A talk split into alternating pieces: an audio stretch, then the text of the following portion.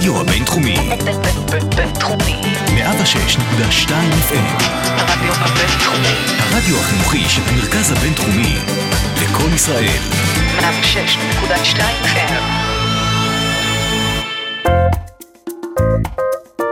השעה הבינתחומית. פודקאסט שמחדד את המוח. עם שי קלוט. שלום לכל המאזינים שלנו, תודה רבה שהצטרפתם אלינו. כבכל שבוע אנחנו כאן בעוד פרק של השעה הבינתחומית, תוכנית האקדמיה של הרדיו הבינתחומי. אני שי קלוט, ואיתי כאן היום מצטרפת אורחת מאוד מיוחדת, שאני מאוד שמחה שהצטרפה אלינו, היה מאוד קשה להשיג אותה. פרופסור קרין נהון מבתי הספר לממשל ותקשורת, אה, שהיא חוקרת פוליטיקה של המידע, וכמובן שהיא גם נשיאת איגוד האינטרנט, אחת מהנשים הכי משפיעות פה בארץ. פורבס החליטו, נכון? פורבס דירגו אותך? פורבס ודה מרקר. ודה מרקר, יש איתנו פה אושייה. אה, אז אנחנו נדבר על המון המון נושאים. אה, אני לא יודעת מי מכם אה, זוכר או עקב. אנחנו הכנו כמה תוכניות לקראת הבחירות. בחירות סיבוב א' של אפריל 2019, אני, אני כאילו כבר לא יודעת איך לקרוא לזה, באמת. במסגרת התוכניות האלה באמת הכנו כמה תוכניות שידברו לקראת הבחירות, גם בזווית אקדמית וכמובן עם הזווית האקטואלית, והתמזל מזלנו, ואנחנו יכולים להמשיך לעשות את זה התוכניות בגלל האלה. הפודקאסט. זהו. חושבת שיש בחירות. הם הבינו. הם הבינו שאנחנו צריכים להמשיך לעשות עוד פרקים, באו uh, לקראתנו, uh, ובאמת אנחנו נפתח את הסבב השני של הפרקים שמדברים uh, לקראת הבחירות, אז באמת פרופסור קרין נהון איתנו תדבר על כל הנושא הזה. אז קודם כל, שלום, שלום, שלום. מה נשמע? מצוין. אז את היית מאוד עסוקה בסבב הקודם של הבחירות, את תהיי גם עכשיו. לצערי הרב, כן. אה, לשמחתנו אבל. אה, ובאמת, כפי שציינתי בפתיחה, אה, פרופסור נהון מתעסקת וחוקרת את כל הנושא של פוליטיקה של המידע אה, וברשתות החברתיות. וכמה שזה נשמע תחום מאוד מוזר, אנחנו לא מבינים עד כמה הוא באמת משפיע עלינו, נכון? לגמרי. כלומר, פעם היינו מספר נורא קטן של אנשים שאומרים את המילה פוליטיקה של המידע. אה, בארץ, לדעתי, אה, אני טבעתי את המונח. אה, אבל כשאנחנו מדברים על פוליטיקה של המידע, אנחנו מדברים בעצם על גם אה, מאבקי הכוחות שנעשים אה, ברשתות החברתיות מצד אחד, כדי להשפיע על נושאים שקשורים לכיצד המידע זורם, איך הוא משתמשים בו, איך הוא נחסם וכדומה, ומצד שני, גם איך המאבקי כוחות האלה משפיעים על הפוליטיקה הפורמלית. למשל, בחירות. למשל, ככה, אולי אירוע השיא של איך הנושאים האלה משפיעים אחד על השני, ובאמת, איך חוקרים את הנושא הזה?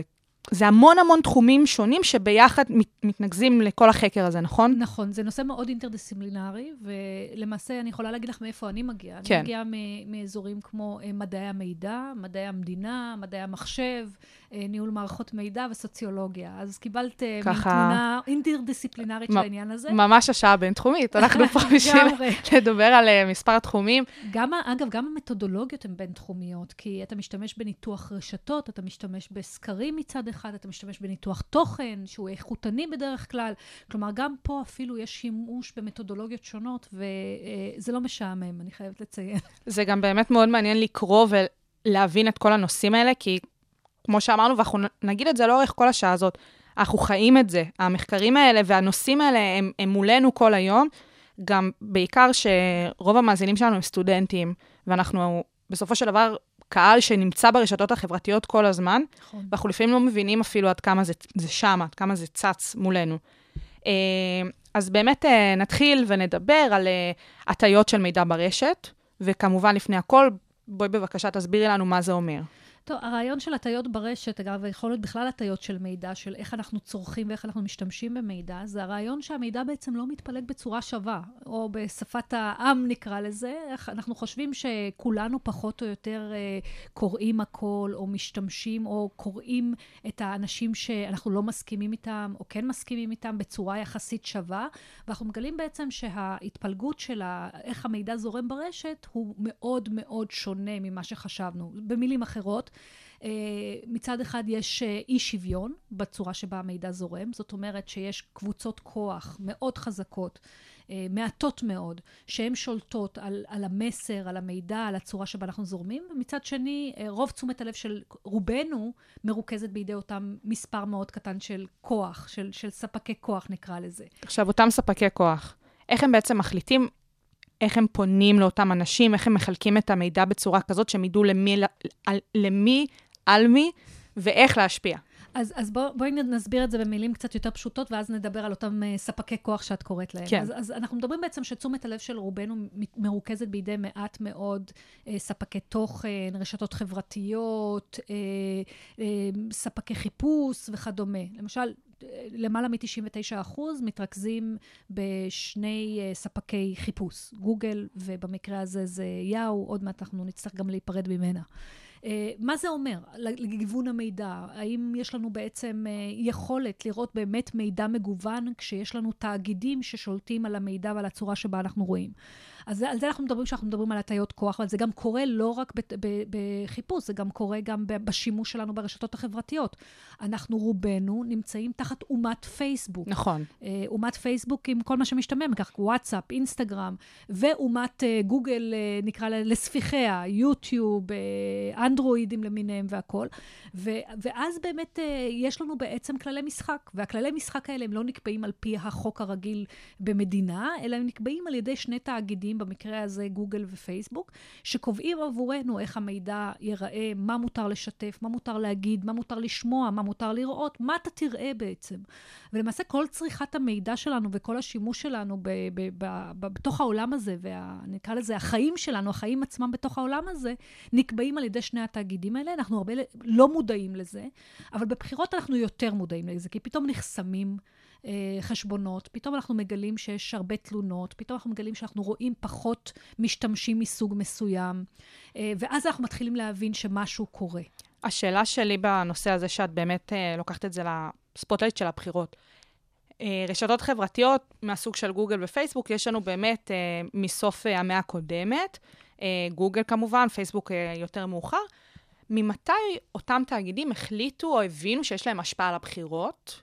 על הטיית המידע בתקופות בחירות, ובאמת לקחו איזשהו צעד יותר אקטיבי בשביל אה, לעזור, או לעשות איזשהו חיבור בין הפוליטיקאים לבין ה... אז במשך שנים, אה, במיוחד פייסבוק, שזה רשת חברתית, אה, של תכנים. אנחנו בעצם מייצרים את התכנים בתוך, ה, בתוך האטמוספירה הזאת. אה, היא באופן מסורתי תמיד אמרה, אני לא בעצם עורך. אני, אני בעצם, הדבר היחיד שאני עושה, זה אני דואגת אה, להיות פלטפורמה. זה לתת את הבמה. כן, לתת את הבמה. זה, זה היה בעצם, ה, נקרא לזה, הטיעון העיקרי שלה, ולכן כשהתחילו לדבר על התערבות בבחירות, כמו שהיה בבחירות בארצות הברית, סיפור קיימברידג' אנליטיקה, למי שלא זוכר, איך שהשתמשו בדאטה, במידע, אה, עלינו דרך פייסבוק, על מנת אה, לטרגט, או במילים אחרות, אה, למקד את המסר על אנשים מסוימים. אז פייסבוק אמרה, אני לא, לא, אני מאוד ניטרלית. זה היה הטיעון של פייסבוק שנים רבות. אבל פייסבוק היא לא שחקן ניטרלי, היא שחקן מאוד פוליטי. זהו. לא, היא לא פוליטית מפלגתית במובן שהיא תגיד, ל, ל, ל, נקרא לזה, לעוקבים או למשתמשים, תצביעו לאלף. אבל היא פוליטית במובן שהיא בונה את העולם שלה, את, את עולם מגרש המשחקים, לפי הערכים שלה. והיא מחליטה מתי היא תמחוק את המידע, מתי היא לא תמחוק, מה מותר, מה אסור, והיא גם קופסה שחורה, לא לשכוח, כלומר, אנחנו לא יודעים כשהיא מחליטה למחוק את המידע או לא למחוק את המידע, ואנחנו גם לא יודעים מה הסיבות לכך, כי היא לא תפרסם לנו אותה. אה, והיא נותנת לנו מדי פעם, פעם בשנה או פעמיים בשנה, היא נותנת לנו מה שנקרא דוח שקיפות, שבו היא אומרת לנו כמה היא הורידה ומאיזה סיבות היא הורידה באופן כללי, אבל אנחנו לא באמת יודעים. גם הדוחות האמת. האלה, זה לא משהו שהוא באמת אה, אמיתי או כנה, נכון? זה לא משהו שאפשר להסתמך עליו. זה משהו אמיתי מבחינת המספרים שלו, אבל אנחנו למשל באקדמיה, אין לנו יכולת באמת לפקח ולהגיד, אכן, אה, נניח, אה, הורדו מיליארד וחצי חשבונות, כמו שפייסבוק טוענת, בחצי שנה האחרונה. ואין לנו גם עוד יותר יכולת להגיד מה רלוונטי לישראל, מה רלוונטי לבחירות, מי הם השחקנים שהורדו ולמה הם הורדו, למי עשיתם צנזורה במילים אחרות. עכשיו, עוד שאלה בנושא הזה, את גם ציינת מקודם את העניין של התרגות, את העניין שבאמת אותן רשתות חברתיות יודעות אה, לאיזה סוג אוכלוסייה לפרסם איזה סוג תוכן.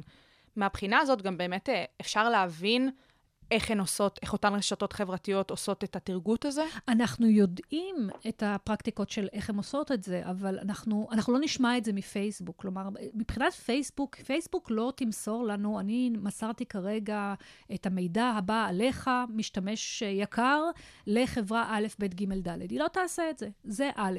שניים, אה, גם הפרסומות, אה, רמת הפרסומות, אנחנו צריכים להפריד בין, בין תכנים ששחקנים פוליטיים משתמשים בהם. למשל, משתמשים בקרין על מנת להעלות פוסט. כן. ואני לא יודעת שקרין בעצם עובדת מטעם מישהו. אה, ואז זה יראה לי פוסט תמים, ואני אקשיב לו ואני אתווכח איתו, ו- וזה יראה לי משהו מאוד מאוד, אה, נקרא לזה, אותנטי.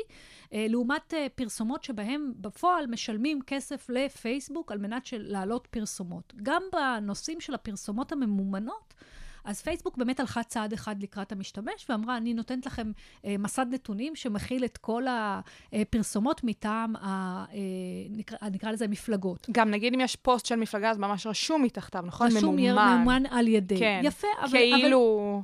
אבל, אבל זה רק הפוסטים הממומנים הרשמית. נכון. כלומר, זה... וגם אלה, זה... גם, גם פייסבוק מחליטה מה זה פוליטי ומה זה לא. כלומר, היא לא תעלה למסד הנתונים האלה כל דבר, אלא דבר שהיא חושבת שהוא פוליטי ושמתקשר ל- לבחירות. אז מה נהיה לנו? נהיה לנו שיש פה תאגיד שמחליט עבורנו מתי הוא מחליט שזה בחירות, איזה תוכן הוא פול...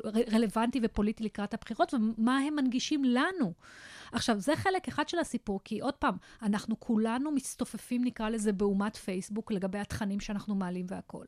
אבל, אבל יש גם את הנטייה המאוד טבעית של ההומופיליה, של אהבת הדומה, של הרעיון שאנחנו... זהו, תסבירי איך לאט לאט אנחנו רואים כמה השיח הוא לא באמת, אה, לא, ש... לא עניין של שוויוני, אבל הוא לא באמת דמוקרטי, זאת אומרת... הוא לא דמוקרטי, זה נכון. כאילו, הנחת היסוד שלנו, כשהתחלנו לחקור את, ה, את האינטרנט כבר לפני 20-25 שנים, היו שהנה האינטרנט מגיע, הספירה היחסית אה, פתוחה ומבוזרת, והיא תביא לנו איזושהי בשורה בנושא הדמוקרטיה. אה, האמנו שאנשים סוף סוף יראו אה, מידע של אנשים שהם לא מסכימים איתם, ולעומת המציאות שבו אנחנו אה, מתחברים, או נקרא לזה מדברים, בדרך כלל עם אנשים מאוד דומים לנו, על רצפים שונים, על רצף של הבחירה הפוליטית שלנו, על רצף של האתניות, דתיות, גיל, כל מה שתרצו. ופה הנה יש לנו הזדמנות באמת לדבר עם האדם האחר, פה במרחב האינטרנטי, ובעצם אנחנו מגלים מבחינה אמפירית שזה לא קורה. כלומר, מה שקורה, אנחנו, יש לנו נטייה מאוד חזקה להומופיליה, לאהבת הדומה. אנחנו משתדלים לדבר עם אנשים כמותנו. אנחנו מדברים עם אנשים שחושבים כמונו, ויש כמובן את, ה, את הקטע של אנשים שנכנסים באופן טרולי, כן. או באופן מכוון לאנשים אחרים. אבל בסך הכל השיח שהוא חוצה מחנות, הוא שיח זניח יחסית לשיח הפוליטי שהוא בתוך המחנות. עד כמה הדבר הזה גם קשור לזה שבשנים האחרונות יש המון נטייה, בעיקר ברשתות החברתיות, רואים את זה המון, אה, לקהלתנות. זאת אומרת, היום טבעונים פותחים לעצמם קבוצת אה, פייסבוק, ואבות פגומים פותחים לעצמם גם אה, עמודי פייסבוק. אז את לוקחת את זה לעוד כיוון, כאילו לא רק הומופיליה, לא רק זה, אני כן. מדבר עם אנשים שחושבים כמוני, או שכותבים על דברים שאני יכול להסכים איתם, אלא בואו נסגור את עצמנו. לגמרי. אה, לאיזשהו, אה, זה נקרא תיבות תהודה. אבל פ- פה, אגב, המחקרים דווקא מראים, אה, הם חלוקים, נקרא לזה, המחקרים מראים שיש פה חילוקי דעות, אה, שגם במקרים שיש לנו תיבות תהודה, אל תחש, תחשבי על האינטרנט, יש לנו המון תיבות תהודה. ממש המון. או יש לנו המון, אה, אה, אני לא אוהבת את המילה תיבות תהודה, כי תיבות תהודה קצת מטעה, יש לנו המון יכולת לראות מידע בחתכים שונים.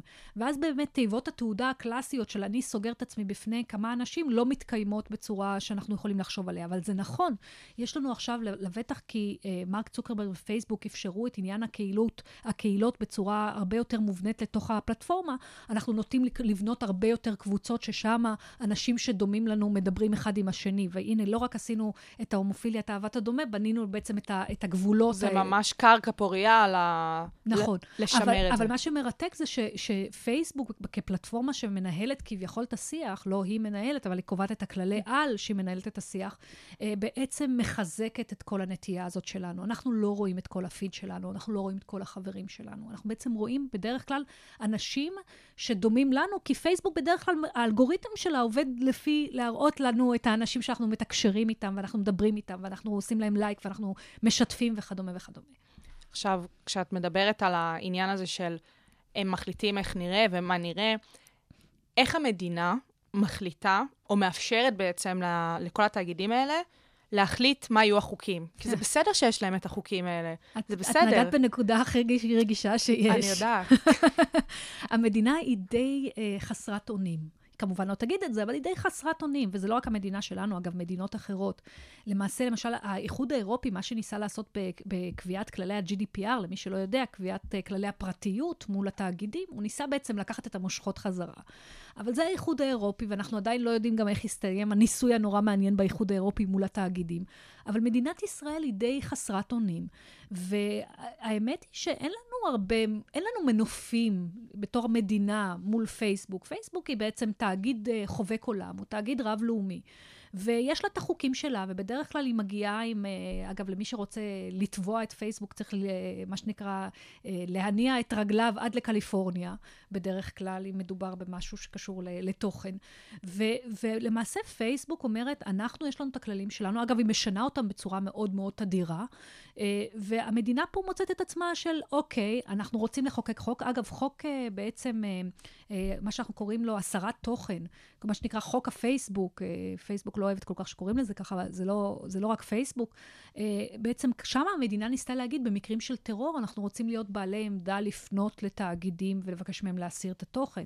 אבל היום יש, יש בעצם אה, צינור אלטרנטיבי של המדינה, בדמות מחלקת הסייבר בפרקליטות, שאם היא רוצה להסיר חומר, היא מדברת עם התאגידים, והיא מבקשת להסיר מהם. אגב, זה לא אומר שהתאגיד יסיר, את החומר. יסיר, זה לא- זה לא איזה משהו ש... זה לא הטלת וטו על אותו בדיוק, תוכן. אז צריך להבין שבסופו של דבר אנחנו, אנחנו די נמצאים בתוך אומת פייסבוק, שהיא גם המחוקק, גם האוכף, גם הבורר, וגם היא תחליט מתי אנחנו צודקים או לא צודקים. ואיך זה קשור לעניין של בחירות? זאת אומרת, כשאנחנו מדברים על אה, בחירות ותעמולת בחירות, שזה משהו שכביכול אמורה להיות אה, סביבו המון המון ביקורת של ועדת הבחירות, לדוגמה, ויש חוקים.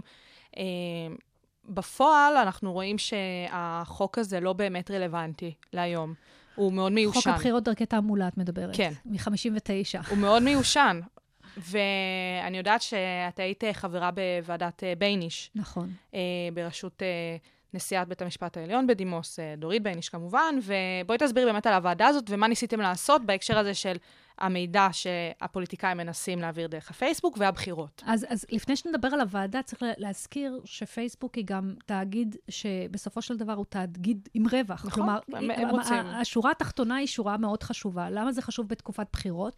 כי בתקופת בחירות אין אינטרס לחברה כמו פייסבוק להגיד לעצמה, הנה, אני לוקחת את כל מכירי הזהב, ומכירי הזהב זה הקמפיינרים והמפלגות וכל אותם אה, גופים אה, אה, פוליטיים, ולהגיד להם, אני מצטערת, אני, אני לא רוצה את זה, אני הולכת להיות פילנטרופית ואני כרגע לא הולכת להתעסק בזה. זה, זה לגבי פייסבוק. עכשיו, אה, אה, מילה טובה על פייסבוק דווקא בתקופת בחירות. כן. פייסבוק בעצם עבדה מאוד מאוד צמוד, גם עם החברה האזרחית, איתנו למשל בכל מיני פרויקטים של ניסיון לזהות אה, fake news, אה, מידע כוזב, וגם עם ועדת הבחירות. עכשיו חזרה לחוק. אכן, החוק הוא בעייתי, החוק הוא מ-59, הוא ארכאי. אני, אני לא יכולה אפילו להתחיל לתאר לך את, ה, את הסעיפים המוזרים שנמצאים בו, החל מנשיאת לפידים. וזריקת אור כן, כן. וכלי שיט שטסים להם עם אה, באנרים בעידן המידע. אה, הוא גם נועד לתקופה שבהם היו שולחים ליושב ראש ועדת הבחירות, כל המפלגות, את, ה, את ה, מראש, את, ה, את התעמולה, קראו לזה תעמולה, וועדת הבחירות הייתה מתיישבת ורואה את כל הסרטונים מראש, והייתה אומרת כן, לא, הייתה הופכת לצנזור שלם. Uh, בעידן המידע זה נראה הרי מצחיק, כשכל... Uh, אדם שני מעלה בכל שנייה המון מידע. אגב, ורק לסבר את האוזן, בשנייה אחת ברשת יש לנו חצי מיליון פוסטים. זה אז- מטורף לגמרי.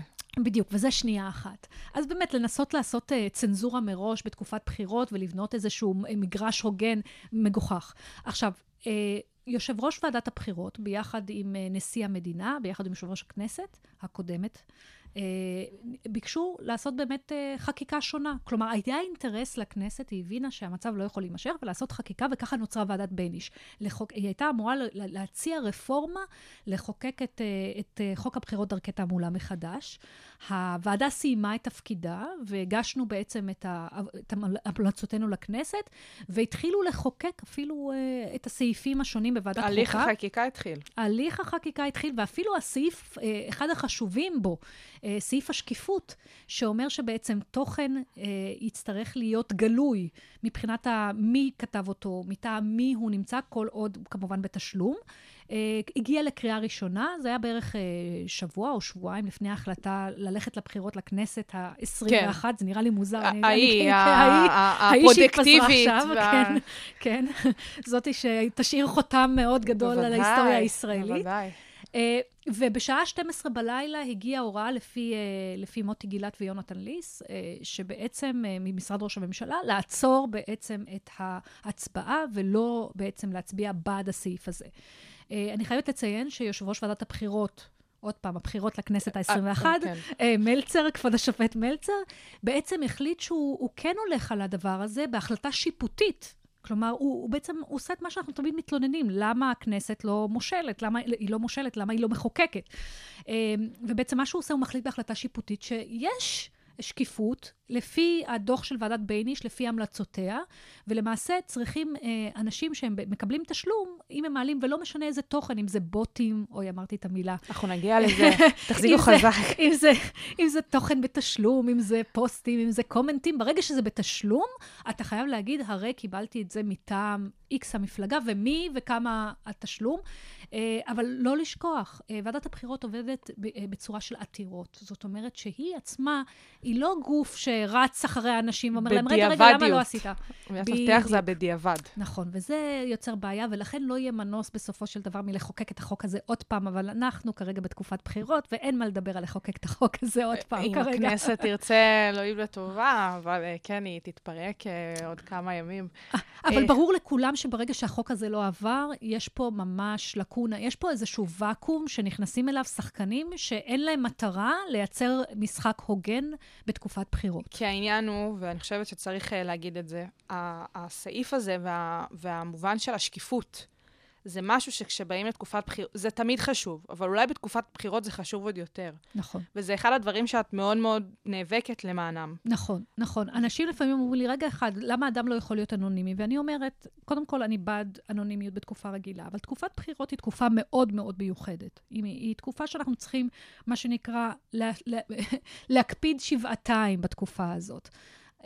אין לנו בעיה עם האדם הפרטי, האדם הפרטי לא מעניין אותנו, אבל אם יש מישהו מטעם מפלגה, הרי שהוא צריך, מה שנקרא, להגיד מי הוא. ותחשבו על זה גם כשאתם רואים פרסומת בטלוויזיה. אתם רואים פרסומת בטלוויזיה, אתם רוצים לדעת שנותנים נכון. לכם פרסומת, ואתם רוצים לדעת מי עומד מאחורי הפרסומת. אנחנו לא רוצים שירמו את, ה, את הקהל, אנחנו לא רוצים שירמו את הציבור. המטרה בסוף להגיע לבחירות, כשאתה יודע, ואתה בהחלטה מושכלת, החלטת מה להצביע. וזה לא משנה, אגב, למה אתה מצביע. ובאמת, אה, זה חד משמעית נוגע פה בכל הדברים שאנחנו נדבר במהלך השעה הזאת. אה, אז אנחנו דיברנו על העניין שכל התאגידים האלה, ומי שלוקח שם את המושכות לידיים שלו, מחליט מה נראה, כמה נראה, מתי נראה. אה, עושים את הצנזורה עבורנו. ואיזה מידע הוא מעביר, איזה, ש, שזה זה הכי חמור, איזה מידע הוא מעביר לגופים שלישיים, שהם שחקנים פוליטיים, עלינו, עלינו. בלי שאנחנו יודעים, או בלי שאנחנו יכולים להחריג את עצמנו מהתהליך הזה. שככה גם נעשה הטארגט בסופו של דבר. אה, אז בואי נדבר רגע על משהו שאנחנו כאילו לא באמת יודעים את זה, אבל עכשיו, עכשיו המאזינים שלנו יגלו. הנושא של הווירליות, וכמה שיש אה, לאותם תאגידים וגופים שליטה עליהם, ואיך כל הווירליות הזאת מתקשרת לתקופת בחירות, או לפוליטיקה וואו, בכלל. הרבה שאלות. אנחנו ככה, זה כמה כותרות, אנחנו נרד אחת-אחת. אוקיי, אז קודם כל, מה זה ויראליות בקצרה? אנחנו מדברים על ויראליות, על, ה, על העובדה שמידע מתפשט מהר מאוד להרבה קהלים, אה, והוא מתפשט בצורה אורגנית, כלומר, הוא מתקשר, מתפשט בעיקר מאדם לאדם. כמובן שגם התקשורת המסורתית פה נכנסת לסיפור, אבל בעיקר המהות זה אדם שלח וואטסאפ, אדם שלח אה, פייסבוק, הודעה, אה, התקשר, שלח יונה, עכשיו עורב במסגרת משחקי הכס וכדומה וכדומה. אני לא רואה, אני לא אה, יודעת. אוקיי, שם זה עורבים. אני, מהאחוז זה הזה באוכלוסייה שאני... אני נשברתי והתחלתי. לראות את כל העונות בבת אחת. ב binge. עכשיו, ויראליות, אגב, רוב המידע הוא לא ויראלי. הדברים שבדרך כלל הופכים לוויראלי זה באמת אחוז נורא נורא קטן. אה, ומה, ואנחנו יודעים כמה דברים. אחד זה ש fake news, חדשות כזב, אה, הופכים לוויראליים הרבה יותר מחדשות רגילות. זאת אומרת שאם אני אגיד שאימא שלי אה, עשתה משהו, אה, רצחה אה, מישהו, אה, זה יתפשט הרבה יותר מהר מאשר המידע שאימא שלי לא רצחה מישהו. Uh, ו- וזה אנחנו יודעים מבחינה אמפירית, שזה מאוד מאוד בעייתי, כי כולם זוכרים, למשל, בבחירות האחרונות של הכנסת ה-21, כן, הרחוקה. את, ה, את הסיפור של אה, גנץ אה, לא שפוי היה לנו, ואת הסיפור של הקברים, ו- וכדומה וכדומה. הרבה יותר קל לפרסם מידע כוזב. אגב, אני אגיד, מידע כוזב זה לא מידע של שחור לבן, כי שחור לבן מאוד קל להזים, מאוד קל להגיד, אוקיי, שיקרת, הנה המידע האמיתי. מידע כוזב, המתוחכם יותר, הוא המידע שיש בו קצת אמת וקצת שקר וקצת פרשנות, והכותרת קצת לא הכי אה, נכונה, ואתה משנה זה קצת את כותרת הווידאו. שמי שפרסם אותה עשה את תחקיר מאחורי הכותרת לגמרי. הזאת, זה לא לגמרי. משהו יש פה הרבה שהוא- עבודה פסיכולוגית. זה לא איזה מאחורי. גחמה רגעית ש... לגמרי, לגמרי. עכשיו, איך אתם חוקרים את העניין של הווירליות? זאת אומרת, אנחנו ניגע ב- בהמשך אה, עוד. אז רגע, אז לגבי ויראליות, קודם כל, אחד הדברים המרתקים, וכמובן פייסבוק אה, לא תגיד את זה, אבל, אבל שהיום מאוד קשה לייצר ויראליות. מכמה סיבות. אחד, אנחנו הפכנו די לקמצנים בשיתוף. אין ויראליות בלי שיתוף. נכון. הרי. אה, ואנחנו בני אדם, אנחנו כבר, לא נעים להגיד, אנחנו בעולם המידע כבר הרבה זמן, ואנחנו כבר אה, ראינו, כבר היו דברים מעולם, אז כמה אפשר לשתף את החתולים, וכמה אפשר לשתף את הפוליטיקאים, וכמה אפשר לשתף, אנחנו די אה, קמצנים בעניין הזה, זה דבר ראשון. דבר שני, פייסבוק עצמה, היא אין לה את האינטרס שאנשים יהפכו לוויראליים בלי שהיא תשלוט על השיבר. בסופו של דבר, היא רוצה שאתה תשלם כסף עבור זה. ולכן גם היכולת של פוליטיקאים להגיע לציבור, וכאן זה בעייתי, כי אנחנו רוצים שפוליטיקאים יגיעו לציבור, אנחנו רוצים שהם יתקשרו עם האזרח, הופכת כל פעם ליותר ויותר קשה. פוליטיקאי היום צריך לשים הרבה יותר כסף ממה שהוא שם לפני כמה שנים.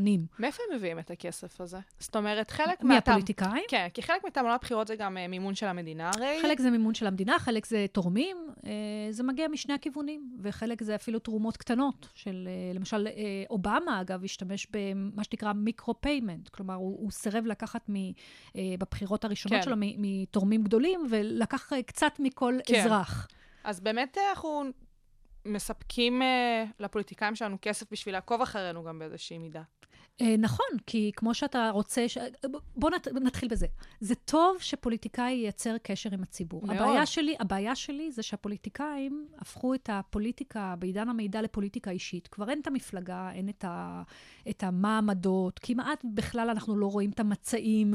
אה, יש פה מה אמרנו, באיזה, לאיזה שדרן, באיזה תוכנית, והספקנו עוד להעלות את זה לאינסטגרם וגם לוואטסאפ וגם להפוך את זה לוויראלי. זה וגם בעצם מה שעושים. ציוצים קטנים בטוויטר, ברור. שאנחנו כאילו לא סופרים אותם, אבל לפעמים זה משהו שמאוד מאוד משנה מאוד משפיע. את כל ואגב, התפיסה. הפוליטיקאים שם מדברים עם מספר מאוד קטן של אנשים. כש- כשמורידים את המידע ורואים עם מי הם מדברים, רואים שמדברים או עם אנשים כמותם, פוליטיקאים אחרים לשעבר ועכשיו, או עם אנשי התקשורת. אבל זה זה משהו מאוד שיותר... אבל זה יותר נכון בישראל, לא? זאת אומרת, בארצות הברית, אה, נכון, בארצות בטוויטר הברית יש זה קצת יותר פתוח, נכון, אה, נכון. החברה האזרחית יותר נכנסה זהו. לטוויטר, אה, אבל עדיין, גם בארצות הברית, האחוזים, זה, זה לא פייסבוק, זה לא, העם לא נמצא שם. מי שנמצא שם זה בעיקר הב- הברנז'ה, החברה האזרחית, תנועות חברתיות, ולמעשה הפוליטיקה. עכשיו, בסופו של דבר, אז, אז אם מסתכלים על הדבר הזה, אז, אז הפוליטיקה הפכה להיות מאוד אישית. השיח הפך למאוד רדוד, כי מה זה פוליטיקה אישית? אנחנו מאדירים את, ה, נכון. את, ה, את האדם על, ה, על הערכים, כי אין ערכים, יש את האדם. אתה או איתו או נגדו, אגב, ראינו את זה בבחירות מאוד חזק, גם היה אה, גנץ לעומת אה, נתניהו. חד משמעית, גם הופכים את זה ספציפית פה בישראל לשיטת בחירות שלא באמת קיימת. העניין נכון. של ראש בראש, שזה זה לא המהות של אה, שיטת הבחירות. יותר מזה, לא רק של, של ראש בראש, העניין הוא שאם אתה לא מסכים למישהו, אתה הפכת כבר לסורר, ואתה הפכת... בוגד? מה ואתה הפכת אומרת? עם ערכים מסוימים שמכתיבים לך. כבר אין באמת שיח ומאוד ערכי, והמתווכים נעלמו. כשאני אומרת המתווכים, אני מדברת על המתווכים המסורתיים, המפלגות, ה, אה, נקרא לזה התקשורת בפני עצמה. כמתווך. כן. היום אתה יודע, בגלל הטוויטר, אתה יודע כבר כמעט כל שדרן מה הוא חושב מאחורה, מה העמדות שלו, ואז פתאום אתה רואה אותו תחת שידור, ואתה צריך אה, אה, לעשות לעצמך מסך כדי לחשוב שהוא הוא ניטרלי, הרי הוא לא ניטרלי. אה, אגב, מעולם הם לא היו ניטרלים, אבל עכשיו גם המסך, ה, ה, נקרא לזה המקצועי הקטן שהיה, כבר נופל. ו, ופתאום זה, האם אתה בעדנו או נגדנו, והשיח, עוד פעם, השיח שהוא כל כך חשוב ל, ל, לתושבים ולציבור, אה, הופך לשיח פוליטי מפלגתי, במקום שהוא יהפוך לשיח ערכי. עכשיו, בנושא הזה אני רוצה לשאול, האם אתם, במסגרת המחקרים שלכם, יודעים לשים את האצבע על איזה מהפלטפורמות יותר משפיעות על הבוחר? אם אנחנו מסתכלים באמת על המדיות החברתיות החדשות והמדיות הישנות. כי אם אנחנו רואים את ביבי ומערכת הבחירות הקודמת, אה, פתח את אה, הליכוד TV בפייסבוק, כי הוא התנגד לכל השימוש ולכל הליכוד טבעי לא הצליח. ואז הוא מגיע לקרן מרציאנו בחדשות 12, ונותן שם רעיון מאולתר, שעורר הרבה עדים. נכון. אז, אז קודם כל חזרה לווירליות. אין היום וירליות ללא התקשורת המסורתית. בסופו של דבר, בשביל שמשהו יהפוך לווירלי, אתה צריך את התקשורת המסורתית שתהדהד את זה, ואז זה חוזר חזרה לציבור. זה קודם כל מאוד חשוב, ולכן, וגם בסופו של דבר אנחנו רואים, המאבקים של אה, נתניהו אה, בתקשורת, כאילו התקשורת השמאלנית, התקשורת המגויסת וכל הדבר הזה, כי הוא מבין שיש פה שלושה ערוצים. בסופו של דבר, הזמן אוויר של השלושה ערוצים שווה לא, לא פחות מה, נקרא לזה, מהתוכן והתשומת לב שהוא מייצר דרך הרשתות החברתיות. אגב, במדינת ישראל, מבחינה אמפירית, התוכן של הצד הימני של המפה ברשתות החברתיות הרבה יותר גדול מהתוכן שמייצר הצד השמאלי מרכז במפה. וזה צריך להבין את זה. ונתניהו יודע את זה, אגב, הוא משתמש בזה. הרשתות החברתיות הן כלי מאוד חזק של נתניהו. זה קשור גם לזה שיש יותר מצביעי ימין? זאת אומרת, מה משפיע על מה? מה הביצה ומה התרנגולת? Uh, אני חושבת שאנחנו, זאת שאלה נהדרת. כלומר, אני חושבת שאנחנו רואים את זה גם בארצות הברית. Uh, אני חושבת שכללית, uh, וזה אגב, זו תופעה שהשתנתה. בעבר, אם הסתכלנו לפני עשר שנים, היו יותר מצביעי שמאל ברשתות החברתיות, אגב, גם בישראל, ולכן אני לא חושבת, אני, כלומר, אם אנחנו מנרמלים את ההצבעה, אני חושבת שעדיין יש יחסית יותר נפח תעבורה ימני מאשר שמאלי. ב, ב, ב, נקרא לזה, במרחב האינטרנטי. ועכשיו, חזרה לנתניהו, נתניהו הוא שחקן, אה, הוא אשף של רשתות חברתיות. כלומר, הוא יודע להשתמש ביכולת הזאת על מנת אה, לנטרל, נקרא לזה, את ההטייה של לדידו, שהוא חושב שהיא קיימת. אגב, אני לא בטוחה שהיא קיימת. היום, אם מסתכלים על, על השדרנים השונים, גם בגלי צה"ל, גם בערוץ 2, גם בערוץ 1, אני לא בטוחה ש, שהטענות שהתקשורת היא שמאלנית היא כל כך נכונות. אה, אבל אה, אין מה לעשות, זה טיעון ש... ונרטיב שיעבוד טוב גם לבייס, אגב. זה, זה, זה חלק נכון. מה... זה חלק, עוד פעם, זה חלק מהבחירות. ואז מה שזה יוצר, זה, זה יוצר שהקהל בוחרים שלו, אותו בייס, באמת לא מוכן יותר לשמוע או להאמין. או, וכאן את נוגעת לסכנה. כי, כי זה דבר אחד להגיד את זה, ו, ובאמת אחד הדברים שאנחנו רואים זה באמת אה, חוסר אמון, עוד פעם, בקהלים מסוימים. בסך הכל התקשורת יש לה יחסית, אה, נקרא לזה רמת אמון די אה, יציבה בשנים האחרונות. אה, אבל כשאתה מסתכל, שואל את ה... נקרא לזה אה, בוחר ימין הארדקור, אה, בוחר ימין קשה, אה, קבוע, אפילו ימין, עד ימין קיצוני, מה דעתך לגבי התקשורת המסורתית, אתה תראה רמת חוסר אמון מאוד מאוד גבוהה. עכשיו, זה מאוד מאוד מסוכן, כי עוד פעם, אנחנו דיברנו, המתווכים נחלשים. התקשורת היא מתווך מאוד מאוד חשוב בין הציבור לפוליטיקאים. והיא גם מאוד מתווך חשוב גם באיזון של, ה, נקרא לזה, החדשות הכזב שמתפרסות בתוך הרשתות. בסופו של דבר אין תחליף לתקשורת חוקרת שיכולה לגלות האם, אה, נקרא לזה, טיעון מסוים היה אמת או שקר, או הוא היה מסגור. וכשאנחנו לוקחים מהתקשורת את התפקיד הזה, אנחנו בעצם יוצרים מצב שבו אנחנו אומרים, אוקיי, הכל שקר, ולכן אנחנו לא מאמינים לאף אחד, ולכן אני יכול להגיד מה שאני רוצה. ולכן אני יכול בעצם לתת לכם איזה מידע שאני רוצה, תגידו לי מה אתם בוחרים, ואני אתן לכם את המידע התומך. זה מצב מאוד מסוכן, אגב, לדמוקרטיה. בבחירות הנוכחיות, היה גם הרבה ביקורת uh, על העניין של התקשורת. אם כבר אנחנו הולכות לשם, אז אני, אני לוקחת את זה לשם. Uh, דיברו גם על התקשורת ש... כמו שאמרתי, לא הייתה חוקרת מספיק. זאת אומרת, יש לזה המון המון חשיבות, שתקשורת תהיה חוקרת. אתה צריך כסף בשביל להיות תקשורת נכון. חוקרת. אבל מעבר לזה, נתנו המון המון במה באמת לאותן טענות של הפוליטיקאים, שגם נהיו ויראליות, כמו שאת אומרת, הרשתות המסורתיות נתנו את אותה במה לוויראליות הזאת. קצת הרגיש שהיה להם נוח לתת את זה. עכשיו... למי? לתקשורת? לתקשורת. כן. לתת את הבמה לווירליות. זאת כן. אומרת, כן. כסף או משאבים או זמן או מה שזה לא יהיה. אבל גם תסתכלי למה התקשורת נתנה במה.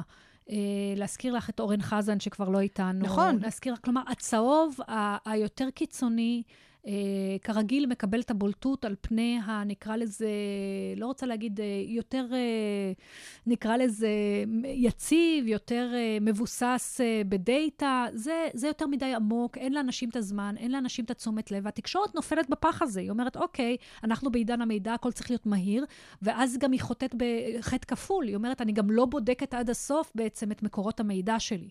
זה, אנחנו ראינו את זה גם קורה במערכת הבחירות הזאת.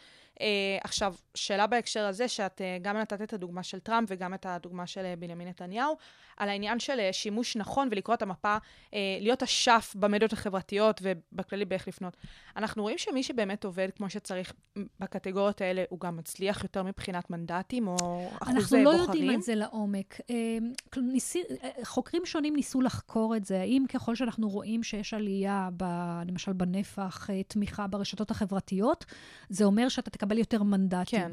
אז יש קורלציה מסוימת ברמה מסוימת, אבל לא, אתה לא באמת יכול לדעת, אתה לא באמת יכול לראות את זה פר מנדט. כלומר, ככל שיעלה מנקודה מסוימת שיח, אנחנו לא יודעים אם זה יהיה מתורגם בסופו של דבר גם לעליית מנדטים. אנחנו כן יודעים ש, אה, ששיח הוא, הוא, נקרא לזה תנאי הכרחי בסופו של דבר לחשיבה האם אני הולך להצביע לאלף או בית. אבל תקחי את פייגלין, פייגלין הוא דוגמה נהדרת, זהות. כמה נפח תעבורה היה לו? אבל אני כמה חושבת שיח? שהעניין עם פייגלין, אני חשבתי להעלות את הנקודה הזאת, העניין עם פייגלין זה, הוא גם כיוון לאותם, אה, לאותו פלח אוכלוסייה שהוא בדיוק בגיל שה traffic שלו בתוך הרשתות החברתיות הוא נורא נורא גדול. אבל, אבל זה לא תרגם את זה בסופו של דבר לבחירה אבל- לתוך הכנסת. וגם, אגב, בנט, עם, עם פשיזם, עם הבושם של נכון, פשיזם נכון. והכול.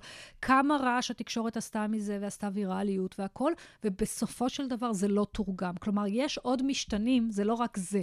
יש עוד נכון, משתנים נכון. שבסופו של דבר גורמים לאנשים להצביע א' או ב', שכמובן זה הסביבה, זה מה נהגתי להצביע. אני לא מדברת על המתלבטים, אני מדברת עוד ברור. פעם על ה... גם על זה עשינו תוכניות.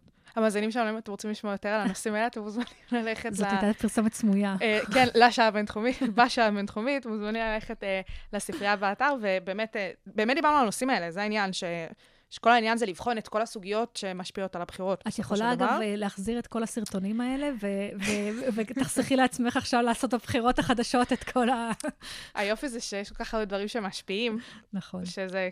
אולי כל הזמן יהיו בחירות, אני מאוד מקווה שלא. ואיכשהו אנחנו נסיים את כל התכנים.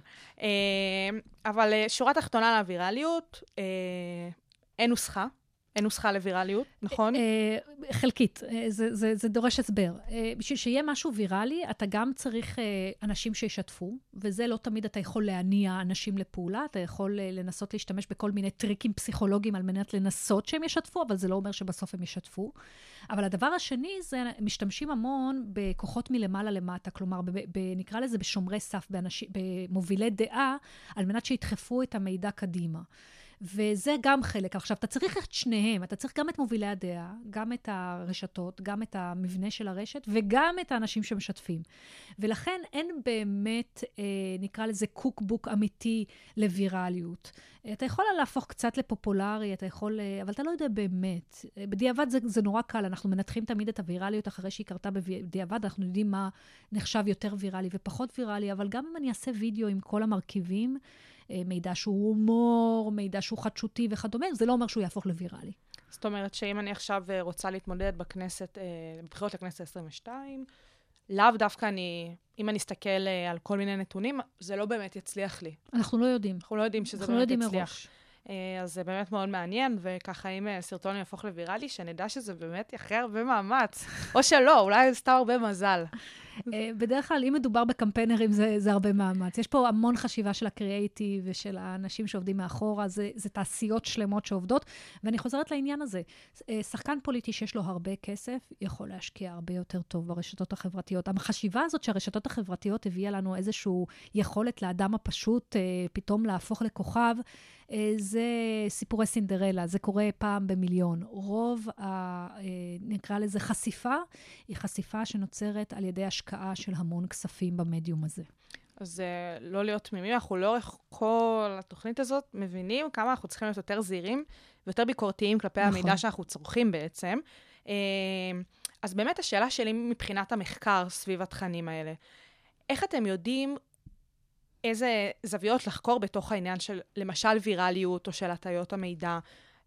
וואו, את כבר מדברת על, בעצם על המחקר. אז תראי, האמת היא שזה משתנה בזמן. אה, אם את, כשהתחלתי לחקור את הווירליות... כשתחקרו את, את הכנסת ה-21, את את מערכת הבחירות, איך תעשו את זה?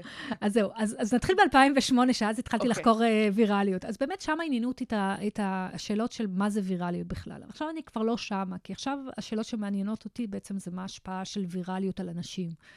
Uh, וזאת, וזה נורא מעניין. אז בסופו של דבר, סקנדלים יכולים להשפיע על אנשים אם אתה מצביע א' או ב'. Uh, אבל, אבל גם עמדות פוליטיות בסופו של דבר, ולא נשכח, וגם ערכים בסופו של דבר, וגם מה אנחנו רגילים להצביע מהבית, גורמים לנו לרעוד או לא לרעוד עם היד כשאנחנו מגיעים לקלפי. כן. עכשיו, מה אנחנו חוקרים? אה, זה מאוד משתנה. אני אגיד לך, אה, עד הבחירות, לפני, אה, נקרא לזה לפני שלוש שנים, עד קיימברידג' אנליטיקה בעצם, אה, וואו, כבר עברו שלוש שנים, שנתיים, אה, יכלנו לחקור יותר טוב את הזרימות מידע בפייסבוק. אה, וגם בטוויטר.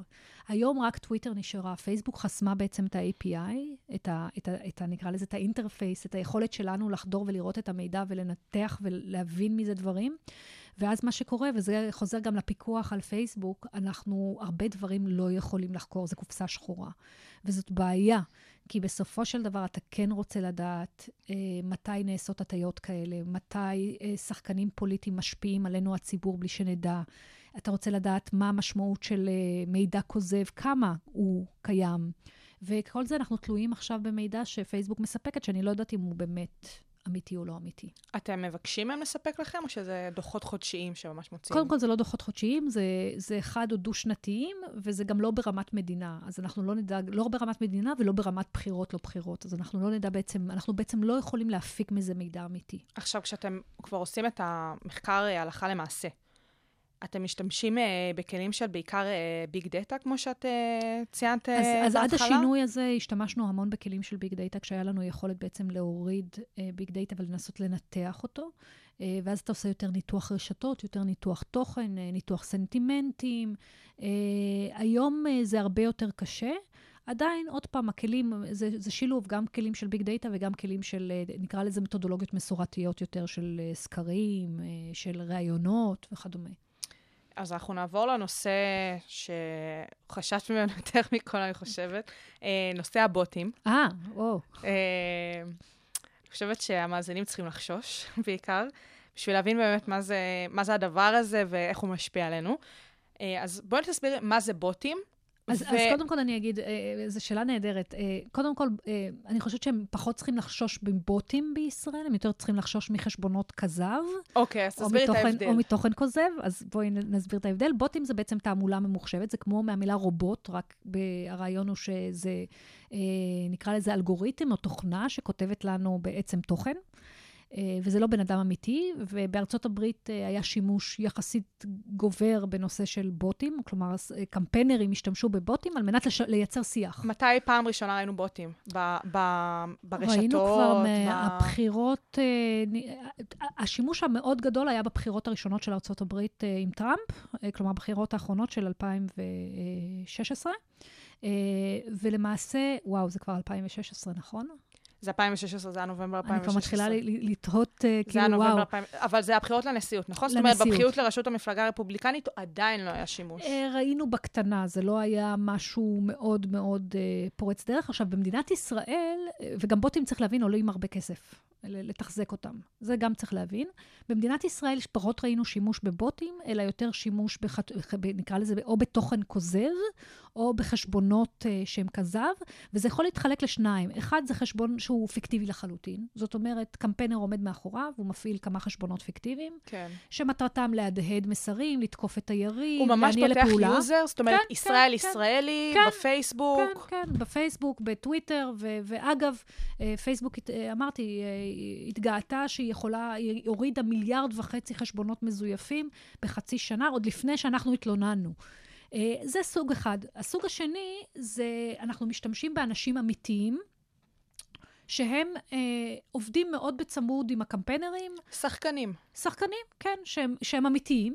אבל התוכן שהם uh, מהדהדים אותו uh, הוא תוכן או שהוא נועד להכפיש יריב, כמובן להדהד מסרים, או שהוא תוכן, uh, לפעמים שהוא גם uh, תוכן כזב בעצמו. והם uh, עובדים ביחד עם הקמפיינרים ומהדהדים ו- ומוציאים המון תוכן, המון תוקפים גם, הם, הם יכולים לייצר ספירלת שתיקה על ידי זה שהם תוקפים נניח משתמש מסוים. אה, וזה ראינו מאוד מאוד חזק בבחירות האחרונות. בישראל. בישראל, בבחירות לכנסת ה-21. היה כמובן את תחקיר הבוטים, אה, אנחנו, אה, שאנחנו לא היינו קשורים אליו, אבל אנחנו בחברה האזרחית עשינו ניסיון לבנות קואליציה שמבקשת מהציבור, אם הם רואים תוכן או חשבון שהוא חשבון כזב, לעדכן אותנו, ואנחנו בעזרת מעבדה בחנו באמת את חשבונות כזב האלה, ואם חשבנו שזה באמת חשבון מזויף, אנחנו. בעצם אה, יצרנו קשר עם פייסבוק ועם טוויטר בעניין הזה. והם באמת אה, נתנו מענה. חלקם כן, חלקם הם הסירו, חלקם הם לא הסירו, אה, ולפחות נתנו מענה. הבעיה היחידה עם השיטה הזאת זה שאתה, זה עבודה מאוד סיזיפית של החברה זהו, האזרחית. מבחינת איך, איך באמת מבינים שזה... זה נשמע לי כמו משהו שפשוט מסתכלים על פידים כל היום, ו, ונכנסים לפרופילים. לכן אנחנו הסתמכנו על הציבור כולו, ו- ולמעשה קיבלנו דיווחים אה, מכל הקשת הפוליטית. אה, אבל אה, זו עבודה קשה, וזו עבודה סיזיפית, פשוט אתה יכול לבנות חשבון חדש בשנייה. בשנייה. החיסרון של לבנות חשבון חדש זה כמובן שאתה צריך את כל העוקבים שלך, שכבר אין לך את כל החברים כן. שבנית בעמל רב במשך שנים רבות. אה, אבל כן, זה חלק מהסיפור, והסיפור הוא שינוי בעצם של סדר היום הציבורי. זה בעצם המהות של, ה, של ה, כל החשבונות האלה. היכולת שלך לשנות את סדר היום הציבורי, במקום שאנשים יתעסקו באמת במהות, בערכים, בואו נכפיש, בואו נייצר קיטוביות, בואו נייצר הסתה, בואו נייצר בעצם שיח שמתעסק uh, בשוליים, מתעסק בשטויות, בשקר, במקום להתעסק בשאלות החשובות. עכשיו, את מסבירה שבאמת זה מאוד מאוד קשה כשעולים על משהו כזה, אבל אם את באמת לוקחת את זה לפעם הראשונה ששמו לב, לבחירות ב- לנשיאות הברית בשנת 2016, שכמובן uh, טראמפ ניצח, איך התחיל המחקר סביב זה? זאת אומרת, איך עלו על זה פעם ראשונה? מי עלה על זה פעם ראשונה? אני חושבת שקודם כל uh, התחילו לשים לב, וזה כאן היה באמת בוטים, uh, שיח מאוד נרחב של בוטים, גם בהיבט של uh, להט"בים, גם בהיבט של נושא השחורים והאלימות המשטרתית, גם בנושא של uh, החיסונים, היה מאוד חזק. פתאום שמו לב ש, שיש פה המון חשבונות שצצו out of nowhere, משום מקום, uh, והם, uh, יש להם אינטרס, הם מאוד מאוד מוכווני מטרה. אגב, לא תמיד הם מפיצים גם uh, חדשות כזב. הרבה, היום יודעים מהדוחות של מולר וגם מהדוחות הקונגרס אה, בנושא הבחירות, שהרוסים כשהתערבו, הם התערבו כדי אה, להעמיק את השסעים הקיימים בתוך החברה האמריקאית. ואת זה אתה יכול לעשות גם בלי חדשות כזב. או לפעמים זה פשוט סתם תמיכה, נכון? נכון, רק נכון. לרשום... אה, למשל, היה תומך חשבון, ב- כן, היה חשבון בפייסבוק אה, שהרוסים הפעילו, שממש הניע לפעולה, הוא הניע, ל, אה, נקרא לזה, למחאות. הייתה אפילו מחאה של, של 2,000 איש, לא הרבה, אבל הנה לכם מחאה. אנשים יצאו כן. לרחובות בעקבות קריאה מהחשבון הזה, ש- שהוא היה חשבון מזויף. או חשבון אחר, שהוא חשבון טוויטר, ש, שהיו בטוחים שהוא חשבון של המפלגה הרפובליקנית בטנסי, של 150-200 אלף עוקבים, שאגב, הוא נחסם לפני לא מזמן, והוא היה חשבון שגם סנטורים וגם טראמפ בעצמו צייץ משם, וגילו שבעצם מי שהפעיל אותו היה בעצם הקרמלין. אז אה, זה דברים שמאוד מאוד מסוכנים לריבונות של, אה, נקרא לזה, של מדינה בתקופה של בחירות. איך אה, בן אדם מן השורה יכול להסתכל על הפיד שלו ולזהות מתי הוא רואה משתמש שהוא לא משתמש אמיתי, או שהכוונות שלו לא אמיתיות, כי הבנו שגם יש לפעמים משתמשים שהם אמיתיים, אבל לאו דווקא. אז יש כל מיני, תראי, החשבונות הפשוטים לזיהוי, זה, ואלה שלא השקיעו בהם הרבה כסף, כן. זה קלים יחסית, כי אתה רואה פתאום משתמש שיצא פתאום עכשיו, אה, לא מזמן, אין לו חברים. אה, אתה רואה שהוא, שהוא ממחזר את אותו מסר שוב ושוב, אה, שהוא תוקף בצורה, נקרא לזה, משהו חשוד, בצורה חשודה אה, אה, אנשים מסוג מסוים. אז זה כבר מעלה חשד, אבל הבעיה היא שהחשבונות הבאמת מתוחכמים, הם חשבונות שקשה יחסית לזהות כן. אותם אה, בקלות, וכאן באמת אנחנו, את יודעת, אנחנו הרבה פעמים אה, משתמשים בכל מיני כלים טכנולוגיים על מנת לנסות לזהות. למשל, אתה מנסה לראות מתי החשבונות האלה מצייצים, באיזה שעה, באיזה תדירות. יש איזה שהם חשבון, דפוסים. בדיוק, חשבון, חשבון שמצייץ אה, כאלף ציוצים ביום, זה לא משהו שבן אדם רגיל לא. יכול לעשות. זה לא... אה, אז, אז מהסוג הזה, והבן אדם הרגיל לא תמיד יכול לזהות את זה, זה נכון. עכשיו, אה, דיברת על העניין של, אה, למשל, העמוד אה, טוויטר שהרוסים פתחו, כן. מטנסי, הרפובליקני. כל העניין הזה של התערבות מעצמות זרות, מדינות זרות במערכות בחירות. זה משהו שאנחנו רואים שהולך ומתעצם עם השנים, או שלפחות הגילוי או הדיבור או השיח סביב הנושא הזה הולך וגדל, כי יש לי מין תחושה שמאז ומתמיד התערבו במערכות בחירות, ושאולי רק בשנים האחרונות מדברים על זה יותר. אז uh, באמת, כמה זה קשור לכל, הדבר, לכל העניין של רשתות חברתיות, ואיך זה באמת אני, משפיע? אני חושבת שהרשתות החברתיות פה היו קרקע פורה בעצם להתערבות זרה בתוך מדינות. כי היום אתה כבר פעם היית צריך, אה, נקרא לזה סוכנים אנושיים, שילכו ויפעלו, ויחסית קל לזהות כן. אותם. היום, ו- וגם אז, גם פעם, נניח היית מפרסם בפראבדה, אני סתם חושבת על הרוסים, מאמר uh, מסוים, הקהל האמריקאי לא היה נחשף לזה. פה לא רק שהם פעלו מול הקהל האמריקאי הארדקור, הם גם תרגטו את האנשים המתלבטים, הם תרגטו את האנשים שהם ידעו שיכולים להיות מופעלים על ידי המסר הזה בצורה הרבה יותר רחבה. וזה היכולת שלנו בעצם היום בעידן המידע, לדעת המון, אה, נקרא לזה, פרטים מאוד מאוד רגישים על אנשים. שבעבר לא היה לנו סיכוי לדעת את זה. אז המדינות, אה, במקרה הזה רוסיה, עשתה שימוש בעניין, והיום יש לה יכולת לעשות שימוש בעניין. זה ההבדל למה היא הגדול. עושה את זה? מה המטרה של הרוסים תראי, זאת שאלת זה? השאלות. אה, חלק מהחוקרים אה, טוענים שבעצם המטרה של רוסיה היא לשבש את ה... נקרא לזה את רמת האמון שלנו, האזרחים, במשטר הדמוקרטי. אה, כלומר, היא בוחרת לעצמה את המועמדים, גם בברקזיט, גם בברזיל, אה, שבעצם הם אנטי-ממסדיים, או שמשבשים את אה, רמת האמון בתוך האוכלוסייה, שמייצרים יותר קיטוביות. זה סברה אחת שחוקרים אומרים את זה. חוקרים שניים אומרים שיש פה אינטרסים מאחורי הקלעים של כספים ועמדות של, נקרא לזה, שחקנים פוליטיים, שאתה בשיתוף פעולה עם שחקנים פוליטיים. האמת היא שאנחנו לא יודעים. אבל אה, אולי פשוט צריך לשאול אותם. הם בטוח יענו. אני רק אגיד שהיכולת היום של המדינה, של מדינות, אה, היא לא ניתנת להשוואה ליכולת של שחקנים. בעבר מדינות לא היו חזקות כל כך ביכולת ייצור המידע וביכולת, ה, נקרא לזה, המניפולציה במידע. והיום אתה רואה כשיכולת המניפולציה במידע של מדינות קפצה שלב, קפצה מדרגה, והיא הרבה יותר מתוחכמת משחקנים בודדים. גם לייצר את המניפולציה וגם לגלות אותה. זאת אומרת, אם היום נכון. אנחנו יודעים נכון, שיש נכון. את כל המחלקות סייבר ב- ב- בצה"ל, זה, זה ממש מה שהם צריכים לחקור, נכון? לגמרי. יש גם את, אה, את יחידת הסייבר, כלומר, את, אה, את אגף הסייבר שלנו, ושהיה מאוד רלוונטי בתקופת הבחירות, ושיתף פעולה עם אה, טוויטר ועם פייסבוק. אגב, פייסבוק עצמה, אה, היא בעצמה פרסמה שהיא תפסה שתי רשתות, אחת איראנית ואחת אה, רוסית, אה, שהם פרסמו אותן, שנועדה להתערב בבחירות. אה, אני פחות מודאגת מההתערבות הזרה, כי אני חושבת שהחברה הישראלית יחסית היא מאוד דחוסה, אנחנו יודעים את זה מבחינה אמפירית. זאת אומרת שאין לנו, הרשתות שלנו מאוד דחוסות אחת בשנייה. אנחנו יחסית יודעים לזהות אה, התערבויות. אני חושבת שהבעיה היא מה קורה כששחקנים פוליטיים מפלגתיים משתמשים במניפולציה בתוך הרשתות החברתיות, ואיך אפשר עוד פעם לחשוף את הפעולות שלהם. אף אחד, אגב, לא מנסה לעצור אותם, כלומר, אלא אם זה הסתה לאלימות והסתה לגזענות, ששם יש מדברת חוק על פלילי. הפוליטיקאים, על או- הפוליטיקאים, כן. אגב, בדוח ועדת בייניש אנחנו אמרנו, אנחנו לא, אנחנו לא רוצים להתערב ב, אה, בתוכן, אלא אם מדובר באמת בהסתה לאלימות והסתה לגזענות. אבל אנחנו כן דורשים שהם יהיו שקופים כדי שאנשים ידעו שזה תוכן מטעם אותם פוליטיקאים. זה א' ב'. עכשיו, באמת, אה, את אומרת אה, שגם לקראת הכנסת ה-21, הבחירות לכנסת ה-21, אתם חקרתם וגיליתם כל מיני דברים. השאלה אם עכשיו, אחרי שהבחירות נגמרו, גם כבר עליתם על כל מיני מסקנות, שגם אולי יוכלו לעזור לקראת הכנסת ה-22. אז אנחנו ממש בימים אלה הולכים uh, להיפגש, אני אומרת את זה ממש לצערי, כי אני... זה, זה די מעייף, uh, אבל אנחנו הולכים, אנחנו הולכים להיפגש כדי באמת, נקרא לזה, לעשות הפקת לקחים. אה, שבוע שעבר היה כנס במכון לדמוקרטיה של הפקת לקחים עם השחקנים העיקריים, יושב ראש ועדת הבחירות, עם אה, יועמ"ש של אה, ועדת חוקה למשל, הפרקליטות, תקשורת, מפלגות, יועצים משפטיים של מפלגות וכדומה.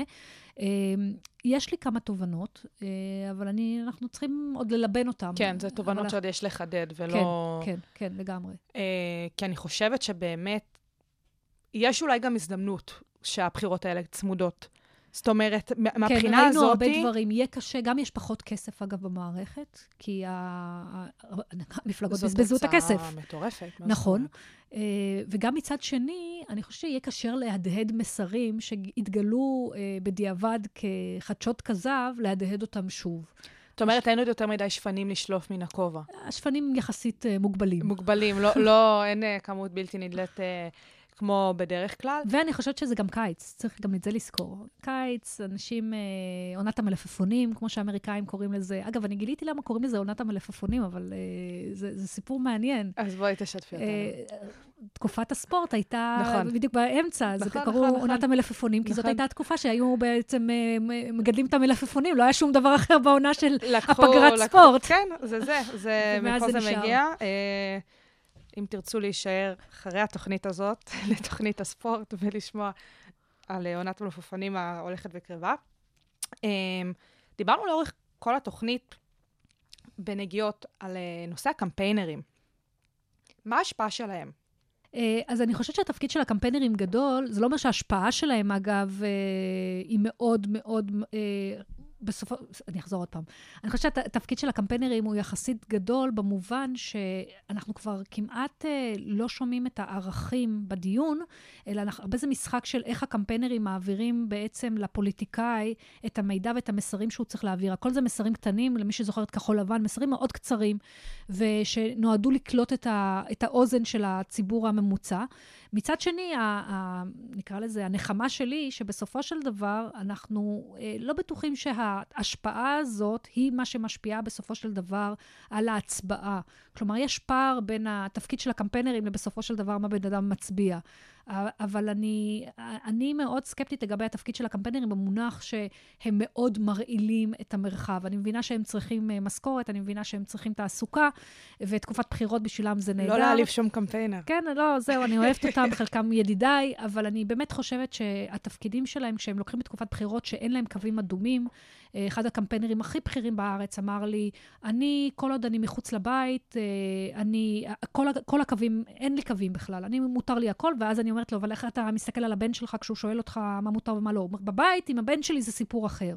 שם אני אתי, וזה מאוד מאוד בעייתי אה, כשאנחנו שוחטים את כל הפרות הקדושות, כי בסופו של דבר אנחנו עדיין ננהל מדינה בסוף יום, בסוף שיגמרו הבחירות, וכשתורכב ממשלה, אנחנו עדיין מנהלים מדינה, ואתה לא יכול להכפיש את, ה, את, ה, את זה שעומד מולך, את היריב שלך, ברמה הכי בזויה והכי, אה, נקרא לזה, אישית, וביום למחרת להגיד, אני מוכן לשבת איתו. יש עם זה קצת בעייתיות. מבחינת הקמפיינרים והרשתות החברתיות עצמן, זה באמת אנשים שזה תחום העיסוק שלהם? זאת אומרת, עכשיו יש אה, סוללת קמפיינרים, יש קמפיין בחירות, אה, אנחנו יודעים שגם יש אפילו פסיכולוגים פוליטיים שלוקחים נכון. חלק בקמפיין בחירות. באמת יש סוללת תפקידים כן, שלא כן. נגמרת. הפוליטיקאים, נקרא לזה הבכירים, משתמשים בקמפיינרים שהם ותיקים, שכולם מכירים אותם, שעם חברות שונות. אגב, רוב הקמפיינרים עובדים עם מפלגות שונות, זה גם חשוב להגיד. כלומר, הם ממש... אה, הם לא, הם לא נאמנים הם לא נאמנים אג'נדה, בדרך כלל. אבל ו... העניין עם הרשתות החברתיות, כן? מתי קמפיינרים הבינו שזה פלטפורמה, מבחינתם, להעביר את המסרים, כמו שאמרת, מסרים קצרים, 아, מסרים חדים. זה כבר התחלנו כבר אצל אובמה ב-2008 עוד. אובמה היה באמת הפוליטיקאי הראשון. הראשון בהיסטוריה? זאת אומרת, לגמרי. זה משהו ש... אבל אם, אז אם היינו ש... נאיבים, מה הוא עשה? הוא יצר בעצם וידאוים ויראליים. זה היה העבודה של הקמפיינרים שלו, איך אני מייצר את הוידאוים הוויראליים, איך אני מייצר בשביל שיגיעו. היום אנחנו במקום הרבה יותר מתוחכם, זה כבר לא רק לייצר וידאוים ויראליים, זה כבר לטרגט אותם לקהלים הנכונים, זה איך אתה משפיע על התודעה, איך אתה משפיע על, ה... על ההצבעה. אז יש ממש אנשים שמגיעים מהתחום של אה, מדעי המחשב, או, או איזה... שילוב. שילוב של מדעי המחשב, data science, להבין. בדיוק רב לאיזה קהל בוחרים אתה, אתה אומר את המסר שלך. אגב, להזכיר, המסר שלך משתנה לגמרי. היום בעידן של אה, פייסבוק ושל אה, של מה שנקרא פרסומת מקוונת, אתה יכול לכוון ספציפית לקהל מאוד מאוד ספציפי אה, את המסרים שלך.